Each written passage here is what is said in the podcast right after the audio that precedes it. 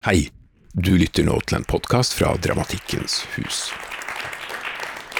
Takk. Jeg begynner rett på. Åssen jeg eh, velger å presentere meg sjøl for dere, eller vise meg fram, vil ha noe å si for åssen uh, dere forstår det jeg sier og det jeg gjør. Hva viser jeg? Hva skjuler jeg? Hva er det som gjør at jeg legger vekt på enkelte ting og unngår andre? Hvis vi begynner med noen harde fakta, så heter jeg Jonas Øren og jobber som dansekunstner. Jeg har bachelorgrad i klassisk ballett og en mastergrad i dans fra Kunsthøgskolen i Oslo. Og jeg arbeider òg som formidlingskonsulent ved Dansens Hus.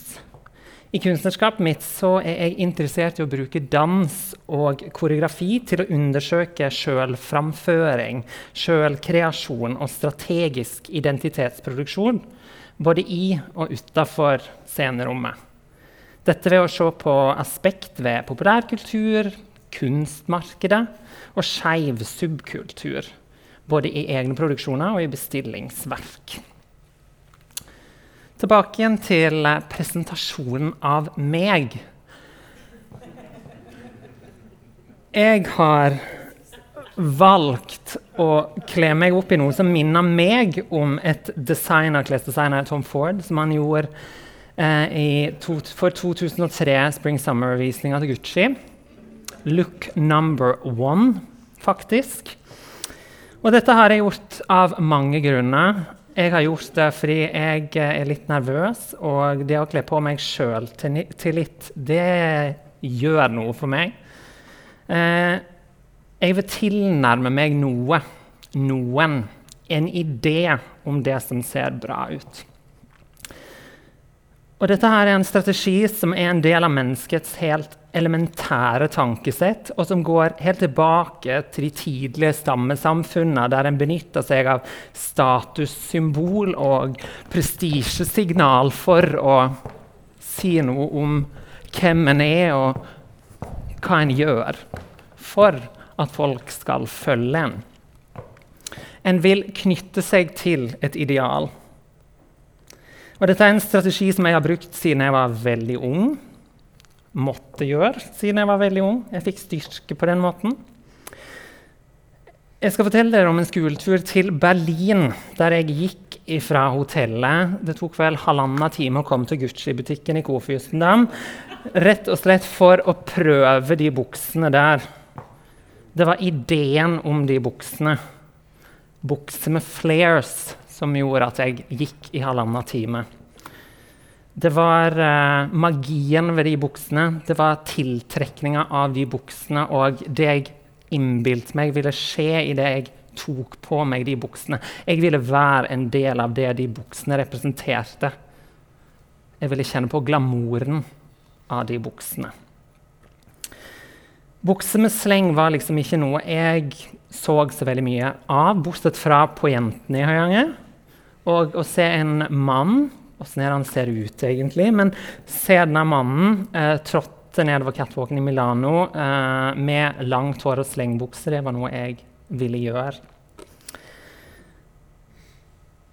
Og Med dette eksempelet har jeg knytta sammen tanker om nettopp glamour, ideal, Kalokagatia, som vi skal komme inn på, og sjølbildet i en eh, liten bukett, som jeg syns er ganske fint, med et ønske om å se hvordan enkelte mennesker og enkelte objekter påvirker og koreograferer kroppene. Og hvordan noen koreograferer oss mer enn andre. Hva er Kalokagatia? Jeg ble oppmerksom på uttrykket kalokagatia i en artikkel i Morgenbladet fra 2016, ført i pennen av Lars Petter Grue. Tittelen 'Stygge ingen adgang' traff noe i meg da jeg undersøkte sjølbiografisk sjølpresentasjon og strategisk sjøliscenesetting eh, som er del av min masteroppgave i 2019. Og i fjor kom jeg igjen over uttrykket i boka 'Selfie How the West Became Self-Obsessed' av journalisten Will Storr. Og I dette foredraget vil jeg referere en del til denne boka. Som dere ser her, Kalukagatia det er en inndeling av tre greske ord. Det er kalos, som betyr vakker, kai, som betyr og, og agatos, som betyr god. Vakker og god. Og det er et gammelt østgresk gentlemansideal der en sikta for å gjøre rett og slett mennesket vakkert og godt i kropp og sjel. Dvs. Si at det bygger på sammenhengen mellom fysisk og psykisk skjønnhet. Grue kaller det i sin tekst den ibuende sammenhengen mellom moralsk godhet og vakkert utseende, noe som i tusenvis av år har stått sterkt i vår kultur. Det er en kulturelt overført sannhet når vi beskriver og omtaler andre mennesker. Det handler om vestlige ideal og parameter for skjønnhet. Noe som har fått være med på å definere hvordan vi ser på hverandre og oss sjøl. Hvordan vi forstår narrativ i historiefortelling, hvordan vi forstår narrativ på scenen, men òg i verden og i politikken. Ekkoet av Kalukagatia henger igjen i oss og er med på å forme hvordan vi forstår lyst og ønske, altså desire, hvordan vi forstår lokkende objekt, kommersie kommersielle strategier, fenomenet glamour, som sagt, men òg privilegier og marginalisering. For det skaper nemlig òg farlige narrativ for hvordan vi forstår de som feller, faller utafor idealet og rammene til det som en gang var og gjennom tiden er Kalukagatia. Og Da er det artig å se på skikkelsen Medusa i gresk mytologi. I boka 'Women in the Picture' av eh, nå si nei, president i kunsthistorie, men det er en professor i kunsthistorie, Catherine McCormack, så skildrer hun det hun mener er de fire arketypene av kvinner som fins i vestlig kunst. Det er Venus-figuren, det er mora, det er jomfrua, og så er det den monstrøse kvinna. Medusa er jo da det siste. Dette er en gresk mytologisk eh, karakter som er skildra som et vakkert, men rasende monster. Og Ideen kommer opprinnelig fra ei gudinne blant amazonene, disse matriarkalske stammesamfunnene med krigerkvinner i Libya. Og i Egypt var det slangegudinna, da slangen var et symbol for visdom, for guddommelig femininitet og helse.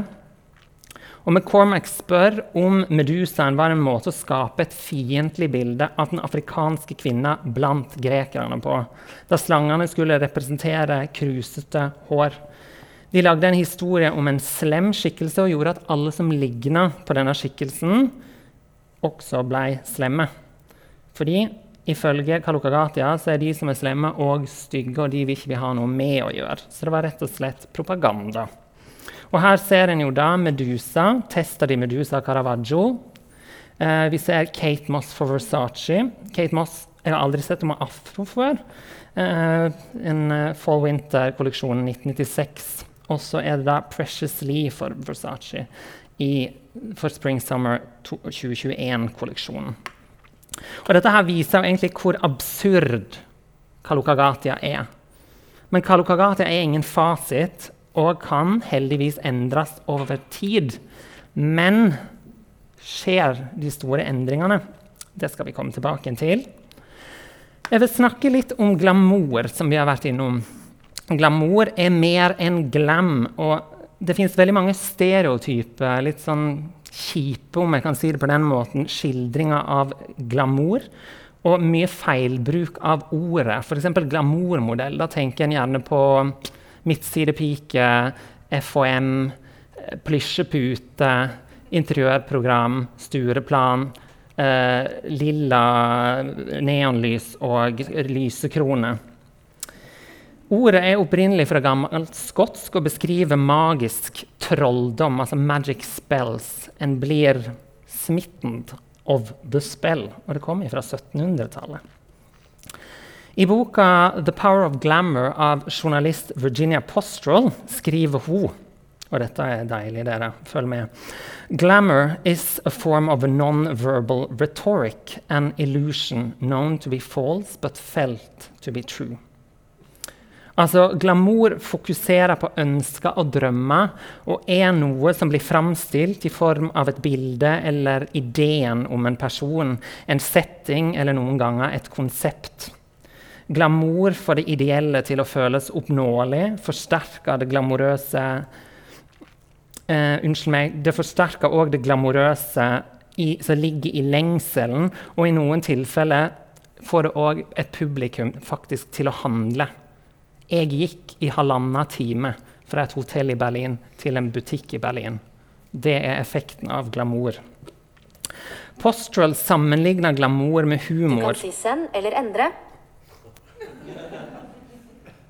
Sorry Jeg meg. sender den ikke. Jeg har på 'ikke forstyrr', men Siri forstår ikke det, tydeligvis. Sånn. Unnskyld meg. Eh, Postural sammenligner glamour med humor. Apropos. Noe, og det er noe som et menneske, et objekt eller et konsept har eller forstår. Dette var morsomt. Dere forsto det. Eh, men de kan òg absolutt ikke ha det. Det får fram spesifikk, eh, en spesifikk følelse av lyst og nysgjerrighet og ideer om transformasjon og lengsel. Det avslører hva vi ønsker oss, og blir brukt som et virkemiddel til å overbevise. Men det er veldig mye mer enn bare det. Og et interessant eksempel er jo denne her militærglamouren som en opplever i mange spillefilmer. Altså det heroiske, det glamorøse, som gjør sikkert at veldig mange får lyst til å eh, bli en del av militæret.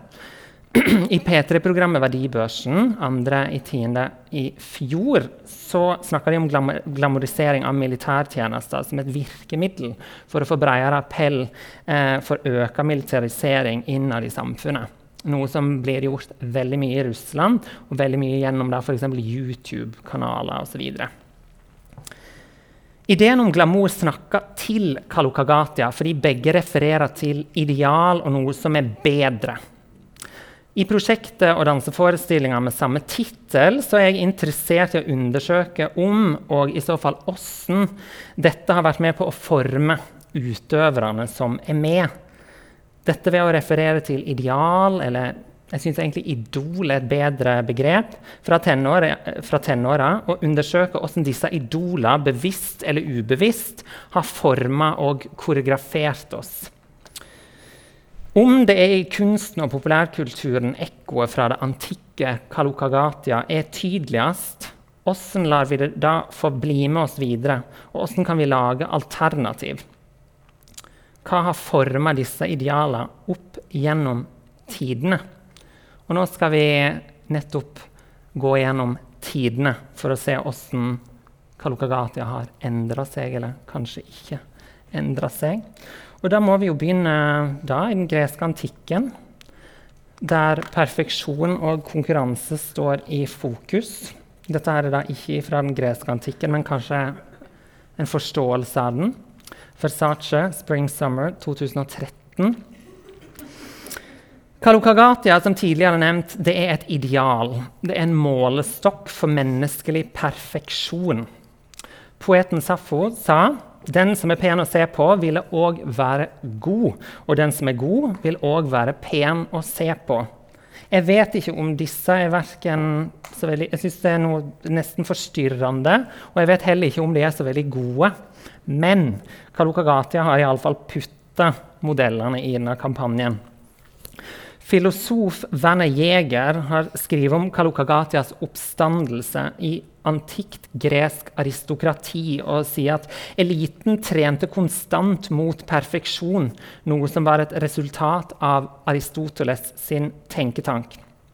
For han hadde en person et medfødt potensial og ville mennesket eh, alt, Og mennesket ville alltid strebe mot perfeksjon. Fordi vi innehar dette eh, potensialet, så går vi naturlig mot perfeksjon. Journalisten Will Storr, som da skriver denne selfieboka, skriver at i det greske livet ble talenter til de flinkeste mennesker fetisjert, og sublime statuer viste fram ideelle maskuline og feminine former. Konkurranseånda råda i alle ledd i bystaten. Og mange ønska å være best og få berømmelse og ære. En persons verdi og suksess var i stor grad avhengig av talent og den trua en hadde på seg sjøl. Og Derfor ble kjendiser og vakre kropper det som ble beundra og hylla i samfunnet. Dette endra seg veldig etter eh, nedgangen eller bortfallet av både det antikke Hellas og det antikke Roma. Og Den kristne kirka fikk plutselig veldig mye å si for hvordan vi forsto både oss sjøl, men også estetikk. Fordi nå ble denne perfeksjonen fra Hellas internalisert. Kristendommen introduserte nemlig det dårlige sjølvet. Vi er alle født som syndere, og vi må arbeide oss oppover. Storr, altså Will Storr han beskriver inngangen i middelalderen på denne måten. her. Sitat. De kristne ga det vestlige sjølvet en sjel, for deretter å torturere denne sjelen. Jakten på perfeksjon som mennesket hadde vært opptatt av i antikken, ble nå internalisert med bønn og sjølfornektelse. Og dette for å oppnå moralsk renslighet og for å unngå evig pinsel og komme i helvete og skjærstilen og hele det greiene der. Det indre ble viktigere enn det ytre, da det ytre ble lenka til lyst og begjær. Der grekerne hadde vært opptatt av å ha det bra her og nå, altså, så ville den kristne trua at mennesket skulle jobbe mot det gode livet i etterlivet. Altså her og nå, perfeksjon her og nå, ego her. Kristendommen jobber fram mot å få et ego seinere.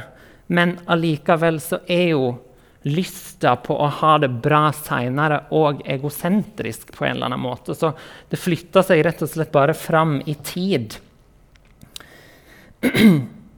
Det ble rett og slett ettertrakta å lide for å få det bedre. Å drive en slags konkurranse med seg sjøl, med Gud som vitne. Will Storr skriver om det han kaller for 'sexy Jesus'. Her viser jeg da en skildring av Jesus i lidelse i en, eh, et bilde av uh, Sampieri fra 1603, altså renessansen, og Brad Pitt i Fight Club. Og En kan jo se en del likheter her. Uh, for det som er interessant til og med i middelalderen, er at Jesus har en nesten perfekt naken kropp. Det er et muskuløst bryst, det er mage, det er muskuløse lår og biceps, og ikke minst denne tydelige V-linja som markerer bekkenet. Altså, han sliter med en slags sånn sexy smerte, som han skriver. Og det ser en jo òg her eh, med Brad Pitt. Det er et eller annet med denne her smerta som er som kommer da kanskje ifra Og så blir en del av Kalikogatia som kommer ifra eh, denne her internaliserte perfeksjonen fra den kristne kirka. Fordi Guds sønn skal jo ha blitt født i Midtøsten, men han blir i, i Vesten likevel framstilt nesten like spektakulær som Herkules. Han ser ut som sønnen til Stellan Skarsgård i Tarzan. Kalukagatia har forma hvordan vi forstår kulturelle og religiøse ideal. Og disse idealene tilbyr identitet og håp. Og det er noe som blir veldig tydelig i renessansen, og ikke minst i barokken. For her blir Kalukagatia propaganda for kapitalisme og kolonialisme. Det blir et langt mer strategisk grep i krigføring enn tidligere. Fra 1500-tallet ble ideene og de estetiske parametrene fra antikkens Hellas og Roma reintrodusert i hoffa ved europeiske kongehus. Først i de mektige handelsknutepunktene i Genova, Firenze og Venezia. Disse byene minner kanskje om bystatene i Hellas. Og her i disse italienske handelsbyene så ble kapitalismen født. Og det ble sirkulært rundt hoff, bankfolk med introduksjon av kreditt og papirpenger. Og Ideene om menneskelig perfeksjon ble da blanda med denne internaliserte perfeksjonen til kirka. Det ble strategisk plutselig. Det ene tjente med det andre. Og mennesker i hoffa og skildringene av kulturelle og religiøse ideal satte nå standarden. Og ettersom imperialismen var i sin gryende tid, ble da ideen om Kalukagatia et veldig viktig verktøy i kolonialiseringa. Dette ved å skildre de som skulle erobres som stygge og derfor òg vonde mennesker. Jeg skal hoppe fram til den industrielle revolusjonen som strekte fra 1760 til 1840. For her er det veldig mye spennende som skjer. Kalukagatia blir på en måte til og manifestert gjennom mindfulness, sjølrealisering og sosial klatring. For utviklinga av industrien gjorde da at langt flere enn bare de innenfor det kongelige, hoffa og bankmennesker kunne definere seg sjøl pga. endra økonomiske forhold. Dette førte til sosial klatring og det no nyrike, eller nouveau riche. Dette ble et, nå et faktum. En definerte seg sjøl gjennom klær, og alle kunne gjøre det. Det ble på en måte høgmotet til folket. Og de store handelsmagasinene, som f.eks. magasinet Bon Marché i Paris, ble til. Og I de store, store byene ble det altså mulig å imitere the ways of the rich, som med sine statussymbol sto for det som var vakkert, og også derfor det som var godt. Og teateret var en viktig, viktig sosial arena for dette. Her viste en seg fram, en viste fram motene en gikk med, en viste fram retorikk. Eh, og ikke minst, det var se og bli sett. Eh, uavhengig av status og rang. Eh, I Glamour-boka beskriver Postrel faktisk at eh, i, i, disse varemagasinene så måtte en ha alt inni glass og bak gitter for folk. Det var så mye shoplifting på et tidspunkt fordi folk ville da eh, framstå som i høyere rang enn det de var. Og faktisk, det første moteshowet noensinne ble da holdt på et av disse teatrene.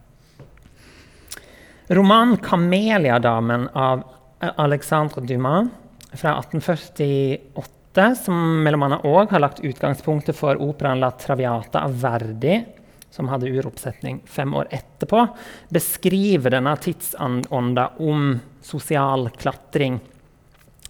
Eh, romanen eller, eh, som beskriver Marie Duplessis, eller eh, operaen som beskriver Violetta Valerie, handler da om denne unge kvinnen som kommer fra veldig enkle kår opprinnelig. Eh, dette skal visst være basert på en sann historie. Denne kvinna eh, ble født på landsbygda i Frankrike. Mora dør da hun er svært ung. Faren selger henne til eh, diverse menn på den lokale kroa for å kunne drikke. Hun stikker av til byen. Hun er selvsagt utrolig vakker og blir plukka opp av diverse adelsmenn som plasserer henne i lekre leiligheter og gir henne fantastisk mote. Og der holder hun da sine fantastiske salonger for adelige og teaterfolket. da. Og kameliadame var i mange år en betegnelse på elegante damer med tvilsomt rykte. Var kameliaen rød, så var de opptatt. Da hadde de noen. Og var den hvit, så var de ledige. Og det som er interessant, er at Chanel, eh, og et av de viktigste symbolene i Chanels historie, er kameliablomsten. Og kameliaen er kanskje et, eh, et symbol for the independent woman. Altså dama som klarte seg sjøl. Eh, eh, Chanel var jo da den dama som satt eh, kvinner i bukser. Det som er interessant, er at det i denne tida, samtidig som en drev med sosial klatring og de nye rike kom osv., det er at uh, manifestasjonsteknikker ble et fenomen som gikk forbi vanlig bønn. Først gjennom noe som heter mindheal-bevegelsen, og deretter i noe som heter Christian Science-bevegelsen. Disse tok i bruk teknikker med mindfulness og manifestasjon for å bryte ned det som quote on quote heter fattigdommens mentale bånd. Dvs. Si, er en fattig eller sjuk, så er det fordi at du innerst inne tror du er det. Det, og da er det egentlig òg din egen feil. Du tror ikke nok på at du kan bli rik, eller du tror ikke nok på at du kan bli frisk. Og dette her er grunntanken, bak mange nykirker. Så makta fra de rike og kirka gjennom manifestasjon og sånn gikk da til nyrike og nykirke på mange måter. Litt eh, generelt, kanskje, men allikevel en interessant tanke. Og så kommer vi omsider, etter mye økonomisk eh, vekst, til den store depresjonen i, på slutten av 1920-tallet og helt fram til andre verdenskrig. Med enorme økonomiske endringer som fører til en dramatisk reaksjon mot denne uhemma individualismen som en hadde begynt å se. Det var krasjet og andre verdenskrig, som førte til en ny kollektiv æra med klassekompromiss mellom fattig og rik. Og I disse nedgangs- og krigstidene så ønska de store massene å se for seg en annen realitet. Og dette her fikk veldig mye å si for hvordan en forsto Kalukagatia. Um, 30-tallet markerer en spesiell æra for filmproduksjon i Hollywood, der glamouruttrykket nesten har blitt en staple. Postrell skriver at glamour bare fungerer når den utfordrer misnøye som allerede finnes i mennesket, noe som gir allerede eksisterende lengsler et spesifikt fokus. Fordi det de ville den gangen, det var å oppleve det bekymringsløse livet gjennom filmen. Dette er i form av måten mennesker på filmen levde på, hvordan de sang og dansa, hvordan de gikk kledd, hvordan de reiste til eksotiske steder osv. osv. Så mens det i samfunnet var ganske tøft, altså økonomien gikk jo til helvete, unnskyld uttrykket, så blomstra filmproduksjonen i Hollywood fordi en ønska seg å komme vekk. Hollywood blei, og har på mange måter vært siden, en slags premissleverandør for Kalukagatia og hvordan vi forsto idealet. Og nå skal vi resten av denne her lille, lille Hva skal jeg si eh, tidsreisa b, eh, bli i California. Jeg skal bare ta en liten sipp av vann, og så skal jeg fortsette. For vi skal se åssen egomanien fra California gjorde at Kalukagatia til slutt endte opp på Internett. Will Storr journalisten bak selfieboka, skriver at jo lenger vest en kommer på et typisk europeisk verdenskart, der Europa er i midten, USA, Asia, Afrika Jo mer egosentrert blir mennesker. Så hvis vi begynner i Asia, og så jobber vi oss bortover, så blir det mer og mer og mer og mer og mer og mer og mer, og mer, og mer ego. Og der er California. Og så detter en ut igjen, og så begynner en på begynnelsen. På 1960-tallet starta ei gruppe med tenkere og politikere i California å se på god sjøltillit og sjølkjensle, altså self-esteem, som svaret på alle samfunnsproblem og som en måte å gjøre mennesket mer konkurransedyktig. Det handler jo selvsagt om menneskets ve og vel, men det handler òg om hvordan mennesket fungerte i samfunnet og i arbeidsmarkedet. Mennesket er sjøl ansvarlig for å få god sjøltillit. Og I løpet av 30 år ble denne teorien lobba inn i forretningsmodeller og styresett som egentlig ble en forløper til neoliberalismen. Da. Og Neoliberalisme det handler om at staten oppmuntrer til konkurranse i frimarkeder for slik å ha eller ta mindre ansvar for enkeltmennesket. Vi skal være best mulig rusta til å levere i et konkurransemarked. Og da må en snakke litt om psykiater Carl Rogers, som mente at uh, for å være lykkelig så må mennesket bli frigjort fra samfunnets dømmekraft og rigide si, rammer. Da. Enkelt forklart, du er din egen sjef, for du er ansvarlig for ditt eget ve og vel. Så ansvaret som en la på en måte til Gud på mange måter, og som var ganske tydelig i det amerikanske samfunnet, det gikk nå over på en, på en. En ba ikke til Gud, en ba til seg sjøl. Og eh, Rogers er for, for øvrig grunnleggeren av den um, greina av psykiatrien som heter humanistisk psykologi. som vektlegger en, forståing av enkeltmenneskets egne premiss. Og dette her er en protest mot psykoanalyser, der en skal gå mye mer inn og vurdere og analysere. ikke sant? Han eh, mente at en skulle kjenne på lyster mye mer direkte. Og han mente òg at Freud var eh, en luguber type. Og Grunnen til at jeg hadde en skjermdump fra The, uh, The Thief, egentlig bare for å vise noen eh, Hva skal jeg si? Uh, noen arketyper på, den, på, det amerikanske egoet. Cowboyen som klarer å, å, å, å, ta overtaket på denne her, eh, hesten. Richard Prince, for øvrig. Og, og Frihetsgudinnen. Og her er da Don Draper i siste episode av Mad Men. I denne scenen her så sitter han og mediterer på det som heter Assailant Institute, som er et non-profit amerikansk retreat-senter og intensjonssamfunn i Big Sur. Det er så langt vest du kommer i California. du ser ut på Ja, der er The Pacific Ocean. Du ser over på der egoet slutter og ikke-egoet begynner igjen, om jeg kan si det litt sånn knotete. Og dette her er rett før han finner, liksom finner ut åssen uh, han skal kunne reklamere for Coca-Cola. Og dette instituttet det ble bygd på Rogers sine ideer. Altså hva sjølve ønsker skal det ha? Hva eget tenker skal det stå for å mene? Og disse ideene har i dag vokst seg til å bli enormt utbredt sammen med ideen om at vi individuelt har et ansvar for å være den beste versjonen av oss sjøl. Dette kommer i stor grad fra The Assailant Institute. Dette gjør en jo da, som jeg sa i stad, for å være mest konkurransedyktig i det kapitalistiske markedet. Og det begynte med yoga-workshops. Det begynte med gruppeterapi og meditasjonsgruppe og sexorgier. Og Cher har vært her, Opera har vært her, Jane Fonda har vært her.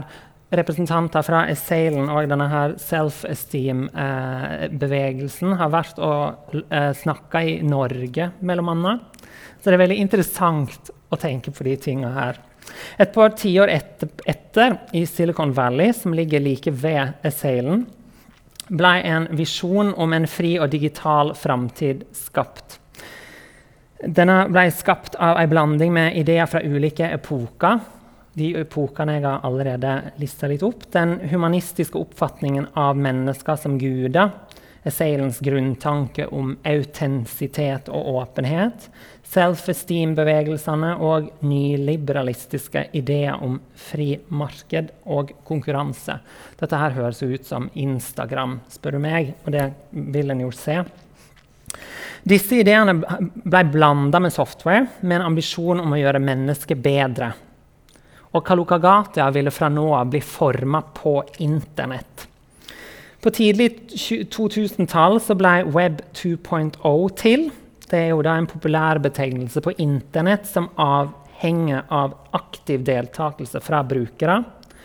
Will Store, altså journalisten bak Selfie, kaller fenomenet Web 2.0 for det digitale barnebarnet til Assailant Institute. Og det var ut ifra dette at det enorme, den enorme jeg-fokuserte teknologien som skaper hyperindividualismen, ble til. De digitale plattformene flata ut hierarkier og ga alle en stemme. De ga alle en karakter, de ga alle en tilstedeværelse, og ikke minst, alle ble til en merkevare. Som en måte å markere denne utviklinga så tildelte Times Magazine i sin 2006 Person of the Year til deg, meg, oss, you. Og to uker seinere introduserte Steve Jobs iPhone for første gang. Professor i antropologi Alice Marwich sier at vi lever i ei tid hvor markedsretorikk har blitt populærkultur. Folk er interessert i entreprenørskap som en generell sosial verdi. End quote. Og dette her igjen, som jeg sa i stad, har endra hvordan Kalukagatia fungerer. På veldig mange bra måter, men kanskje òg på litt rare måter. Det som er bra, er jo at en ser hvordan Versace-kampanjene har endra seg, f.eks. Men det er allikevel enkelte skjønnhetsidealer som ligger der fremdeles. Kalukagatia har altså forma sjølvet og forståelsen av sjølvbildet gjennom framstillinga av ideal opp gjennom tidene. Det er ulike former for Kalukagatia i ulike kulturer, grupper og miljø. Jeg vil da snakke kort om sjølve og sjølvbildet, før jeg skal snakke litt om hvordan jeg har behandla ideene om Kalukagatia i egen kunstnerskap. Jeg vil da begynne med å referere til professor Bruce Hood, som er utviklingspsykolog og forfatter av boka 'Self-Illusion'. Et sjølv er en måte å forstå hva som skjer med oss, og å gjøre dette om til ei historie med mening. Det, skaper, det skapes ved at vi vurderer miljøet og mennesker rundt oss. Det er sånn vi bygger vår modell av hvem vi er. Dette er en idé som kalles 'the looking glass self'. End quote. Det er kulturen som gjør sjølve og hjernen til en historieforteller. Det er i hodet vi lager fortellinger om oss sjøl som en helt i vår egen historie. Og denne helten og handlingene skapes ikke fra ingenting. Vi, eller hjernen vår plagierer, hermer og imiterer. Stjeler ideene fra historiene som omgir oss for så å fornye de til oss sjøl. Og dette her gjør vi for å hjelpe oss med å finne ut av hvem vi er, og hvem vi ønsker å være. Og som vi ønsker å framstille oss sjøl. Jeg ble tipsa om eh, en episode av Trygdekontoret, det NRK-programmet, eller podkasten, der eh, Episoden heter forresten 'Fransk filosofi og samfunnets syndebukke' og var en samtale mellom forfatter Ida Lødemel Tvedt og programleder Thomas Seltzer. Jeg anbefaler den. Den var veldig spennende. Som, der de da tok opp teoriene til den fransk-amerikanske historikeren, filosofen og litteraturviteren René Girard. Girard mente nemlig at menneskelig drivkraft ble drevet fram av imitasjon eller mimesis, som han kalte det. Han mente at uh, det ikke handla om ressurser eller penger, som Marx mente, sex, som Freud mente, eller makt, som Foucault mente, men om å følge modellene som sto som ideal. Disse modellene de herma vi etter. Jeg gikk som modellen Og eh, vi, det, det former oss som mennesker. Grunnideen til Girard handler om da kjernen i motivasjonene til mennesket er å herme, og at alle begjær er imitative fordi vi vil ha det andre har. Sjølve skaper altså en identitetsfølelse, noe vi må ha for å kunne leve og være i gruppe. Ideene rundt hvem vi er, er i ulike, og Eh, unnskyld meg, ideene rundt hvem vi er i ulike grupper, har noe med både biologi og tilhørsel å gjøre. Altså alder, kjønn, seksualitet, etnisitet, jobb, familie, venner osv. osv. Og disse ideene skaper dessverre òg hierarkier. Med hierarkiet kommer bekymringer for status og en søken etter validering, noe som får oss til å signalisere vår status til andre. Det er sånn at Hvis andre tror at vi er fancy og flotte, drar på oss denne Gucci-buksa f.eks., så tolker vårt sjøl at dette er et bevis på at vi er fancy og flotte. Vi speiler oss i den ideen. Det handler i stor grad om å mestre hemmelighetene som skaper et vellykka liv. Vi sammenligner oss med hverandre og snakker om hverandre. Hjernen vår identifiserer idealmennesker som sender ut prestisjesignal. Det kan handle om om alder, fysisk dominans, dyktighet, suksess og prestisje. Men etter hvert så vil dette her òg manifesteres i symboler. Og dette opp gjennom tidene så har dette blitt da designerklær, f.eks. Eller et bilde på Instagram av et lekkert feriested, f.eks. I dag, i den digitale tidsalderen, er det å opprettholde og å prøve å kontrollere hva andre tenker om oss, kanskje ekstra tydelig. Sjøl har det alltid vært en kjerneaktivitet for det menneskelige sjølve. Vi er alle PR-agenter for oss sjøl. Det som er interessant, er jo da at vi har lyst til å framstille oss sjøl som gode mennesker. Det sier jo seg sjøl. Vi vil jo ikke være eh, onde mennesker, vonde mennesker. Vi har lyst til å være protagonister i historiene om oss sjøl. Vi innser vel kanskje ikke at vi er antagonister. Så grunnleggende regler for hva som er en god person Jo, en god person er usjølvisk. Vi hyller personene som er villige til å ofre seg til fordel for andre. Og dette her vises jo i narrativ som vi kjenner gjennom litteraturen og, og eh, teater og scenekunsten. En vond person er da egoistisk. Men hva sier da den tidsreisa vi nettopp har vært igjennom, om forståelsen av egoet? Er vi da fremdeles gode, er vi gode personer, eller er vi egosentriske antagonister?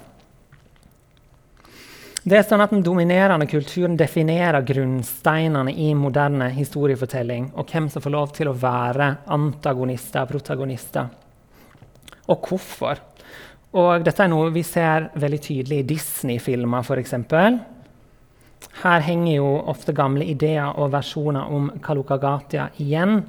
Ser vi på Aladdin og Jasmin versus Jafar, så ser en jo at Aladdin og Jasmin, protagonistene, er lysere i huden og ser mer vestlig ut enn Jafar. Løvenes konge, der har vi Scar. Scar betyr for øvrig eh, ond på, og stygg på swahili. Som er da mye mørkere enn de andre løvene, og òg har en mye mer skeiv, altså feminin, framtoning enn eh, de andre løvene. Her er et eksempel på åssen kvinner ble skildra eh, da en eh, da en, eh, da en i unnskyld meg, Storbritannia skulle se om kvinner skulle ha stemmerett. Da var det faktisk menn i fullt alvor som gikk rundt eh, med disse malerier, eller hva jeg skal kalle det for noe, Eh, og som brukte dette som argumentasjon imot kvinnelig stemmerett. Altså Kvinna er stygg, hun kan ikke være god. Så Sjølve har mange sider. Det var noe jeg var interessert i da jeg gjorde mitt masterprosjekt, 'Presentations' av, et av de sitatene som starta det prosjektet for meg, var det følgende sitatet av Luce Iriguaray i teksten 'Invisible of the Flesh'. Sitat, Noen må se meg slik at jeg kan bli besatt av den som ser meg. I dette prosjektet stilte jeg spørsmålet hvordan forstår vi oss sjøl og andre gjennom hvordan vi framstiller oss sjøl. Hvordan signal sender vi ut, og hvordan skriver disse seg inn i historiene om oss sjøl? Kan vi styre historiene om oss sjøl? Dette ble en forestillingsserie laga av fire individuelle koreografier. De kunne ses hver for seg eller sammen som en helhet. Jeg ville framføre aspekt ved meg sjøl som om at det jeg framførte, var henta fra et ideal som sto utafor meg sjøl. Og jeg skapte da et imaginært ideal av meg sjøl ved å bruke sjølbiografi og aspekt ved egen kropp som et arkiv og et utgangspunkt for skaping. Jeg var veldig interessert i dette som eh, sosiolog, psykiater og filosof eh, George Herbert Mead sa, som var quote, Sjølve oppstår når individet blir et objekt for seg sjøl. Noe jeg opplevde skjedde når jeg gikk framfor et publikum. Det er litt som nå. Jeg presenterer meg sjøl for dere og blir et objekt i det jeg gjør det. Filosof og kjønnsteoretiker Judith Butler skrev òg at subjektivitet er et produkt av framføring, altså performance, og at subjektivitet skapes av framføring. Så det er både et objekt her, men subjektet meg skapes samtidig. Så spørsmålet er det mulig å danse eller iscenesette et sjølportrett kom opp. Ideen om sjølbiografi er vesentlig i sjølportrett. Og I boka 'Autobiography and Performance' av Deidre Hedden så forklarer hun effektene av å skape et sjøl. Hun skriver at sjølbiografisk performance blir en handling for å skape et sjølv på en svært strategisk og mediert måte. Det er altså svært strategisk sjølrepresentasjon, det å drive med sjølbiografisk performance. Noe som er veldig interessant å tenke på, er at jeg, hvis vi tenker oss litt tilbake til det Will Store sa om dette her verdenskartet da, det er det at eh, det i nesten i 2000 år ikke var noen sjølbiografier i kinesisk litteratur.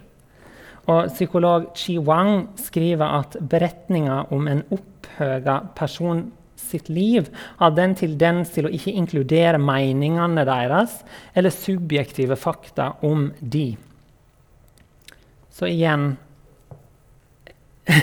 Jeg bare ser hele tiden på dette der verdenskartet og hvor forskjellig, eller hvor egosentrisk vi er på en måte lært til å være. Og igjen, dette her FIDA da, Presentations-prosjektet, som da ble en undersøkelse av sjølframføring og sjølportrett i dagens samfunn.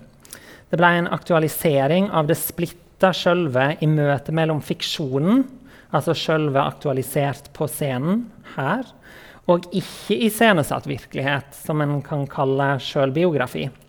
Ønsket var å undersøke følelsen av at versjoner av jeg kunne falle sammen med meg sjøl. Kroppen min er et sted der både objektet og subjektet, meg, krysser hverandre blir til, og blir til en totalitet.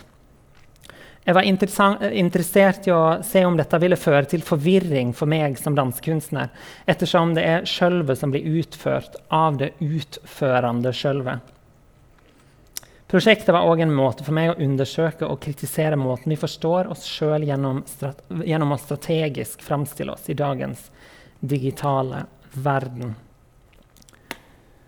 Og her er et bilde fra den ene editionen, edition 1.3, som heter Self Study, som var et arbeid som jeg gjorde sammen med koreograf eh, Solveig Styve Holte.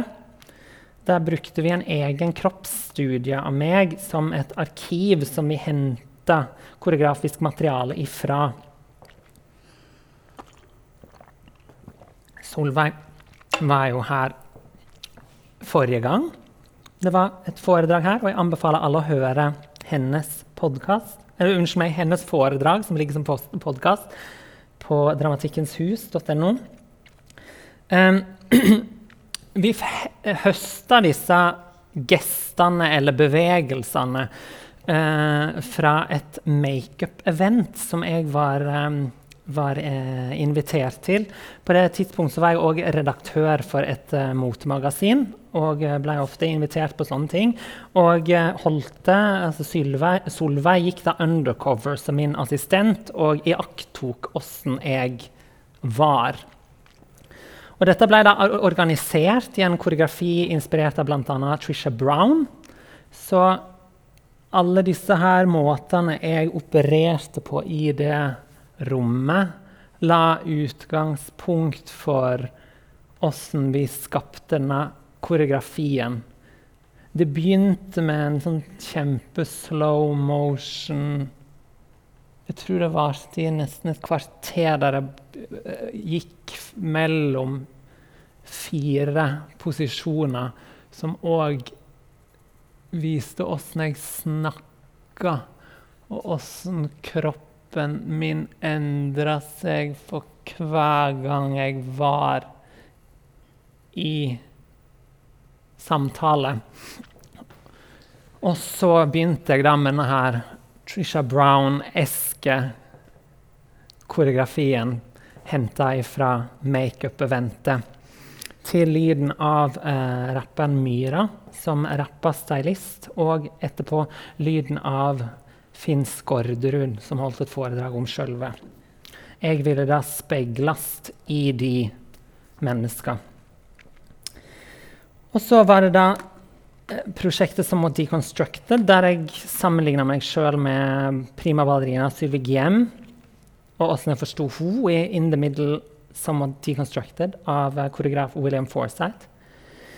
Jeg ville igjen oppgradere meg sjøl med å tilnærme meg et materiale jeg så på som fantastisk, og uh, ønska da sidestille meg sjøl med den ideen. Det handla ikke om at jeg ville danse i Somewhat Deconstructed, det var jo en fantasi fra fortida, men jeg ønska å glamorisere bildene av Sylvie ved å kjenne på en måte på jeg var ikke interessert i å gjøre det som hun gjorde. Det hadde ikke gått an med dette apparatet her. Men allikevel så ønska jeg å kjenne åssen det føles å stå i den koreografien. Og det idealiserte jeg, da. Professor i psykiatri Dan McAdams sier at å gjøre livet våre om til myte er det voksenlivet handler om. Og jeg tror det er det, når jeg ser tilbake igjen på presentations, at det prosjektet handler om. Motedesigneren Isaac Mizrahi sier at det er voksent og bare menneskelig å manipulere. Glamour er, som enhver form for retorikk, en menneskelig overlevelseskunst. Postrel, altså Virginia Postrel, som skrev den glamourboka, skriver Citat. Glamour may be an illusion, but it is rarely a mean or a vicious one, nor do audiences commonly dream of being resented for achieving a glamorous state. Glamour is not about separating winners from losers. Rather than glamorous objects, the person or thing is a kind of alter ego. As Jay Z raps, When you see me, see you. Og det gjør at jeg eh, vil snakke litt om hybris, choreographing whiteness, som var mitt forrige soloprosjekt. Hybris betyr overmot. Det handler om ønsket om å tilnærme seg en guddom eller noe som er større enn en sjøl.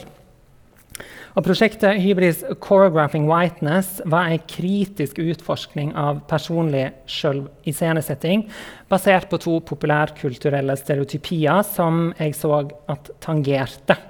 Det var da den amerikanske melaninrike kvinna, forma av populærkulturen og funnet i hiphop-kulturen, og den skeive mannen. Jeg var interessert i å se åssen jeg som skeiv mann lot meg koreografere av populærkulturens omforming av svart femininitet og skeiv subkultur. Og åssen jeg ukritisk hadde forstått dette kroppsuttrykket og språket som opprinnelig er skapt av behov for motstand og sjølbekreftelse, som et kroppsspråk for suksess. When you see me, see you. I løpet av en kroppslig eller dansant utviklingsprosess så iscenesatte jeg meg sjøl som kvinnelige rappartister, som jeg ser og har sett opp til, altså idealisert, ved å kroppsliggjøre og referere hva kroppen må gjøre for å forme kroppen min etter denne ideen om dette idealet. Dette ble til en todelt forestilling med dans og rappkonsert. Og i den første delen så var det igjen sjøl en slags reise gjennom mine danseriske referanser, der jeg begynte med hiphop. Jeg har en utdanning i klassisk ballett, og nå er jeg i samtidsdansen. Og åssen jeg har på en måte molda kroppen min inn i det, og hele tiden hatt denne rappkvinna med meg på veien. Det handler altså om åssen jeg vil at publikum ser, ser meg.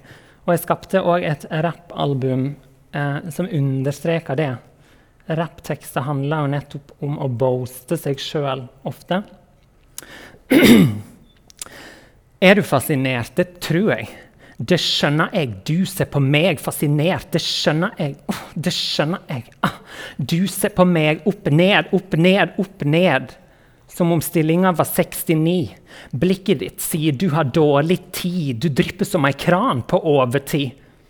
Og så videre. Eller pro, professional og kaller meg phenomenal og pusher mer enn pushups. Checks med numerals. mover body, oh. Publikummet grådig, oh. De spiser med med blikket, slikka linser som en Ori oh. Kan være den jeg vil, vil. Gjør meg til, til. Gjør det jeg vil, vil. Betaler mine egne bill, bill, bills. Dette er en fasit du kan følge om du vil, som setter rett på kartet over de som får det til. ei. Igjen myten om meg sjøl.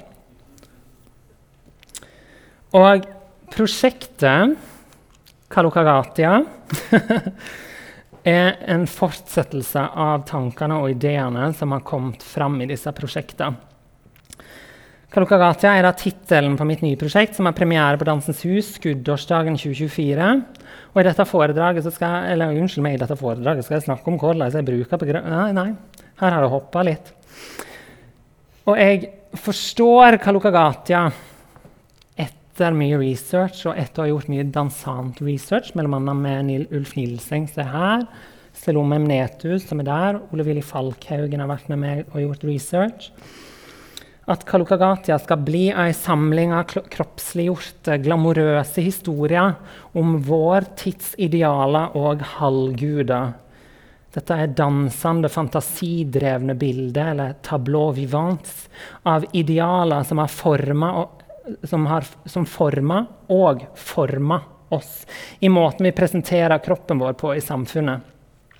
Ambisjonen er å kommentere hvordan vi er tilhengere av de som utgir seg sjøl, eller får roller som overlegne, eminente, innflytelsesrike og mektige. Den belyser om hvem som har skrevet historien om hvordan vi forstår suksess og virtuositet, og hvordan vi gir kropper verdi. Fram til nå så har vi laga scores av, om og med idealene våre.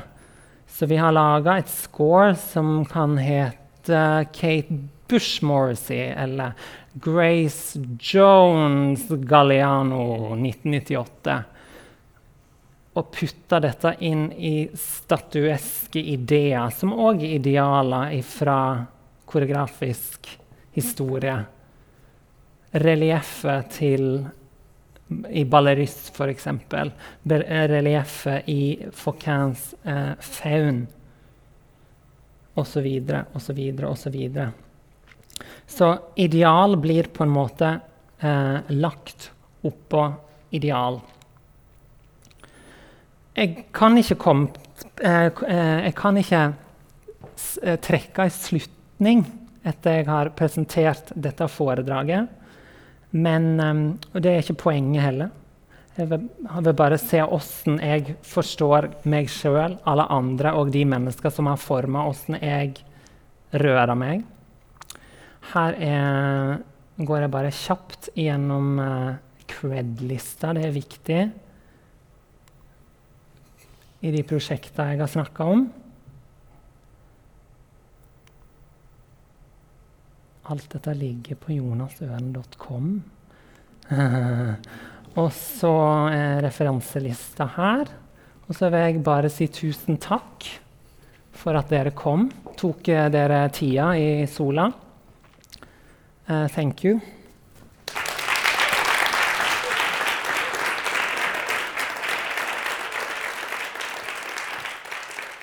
Du har hørt en podkast fra Dramatikkens hus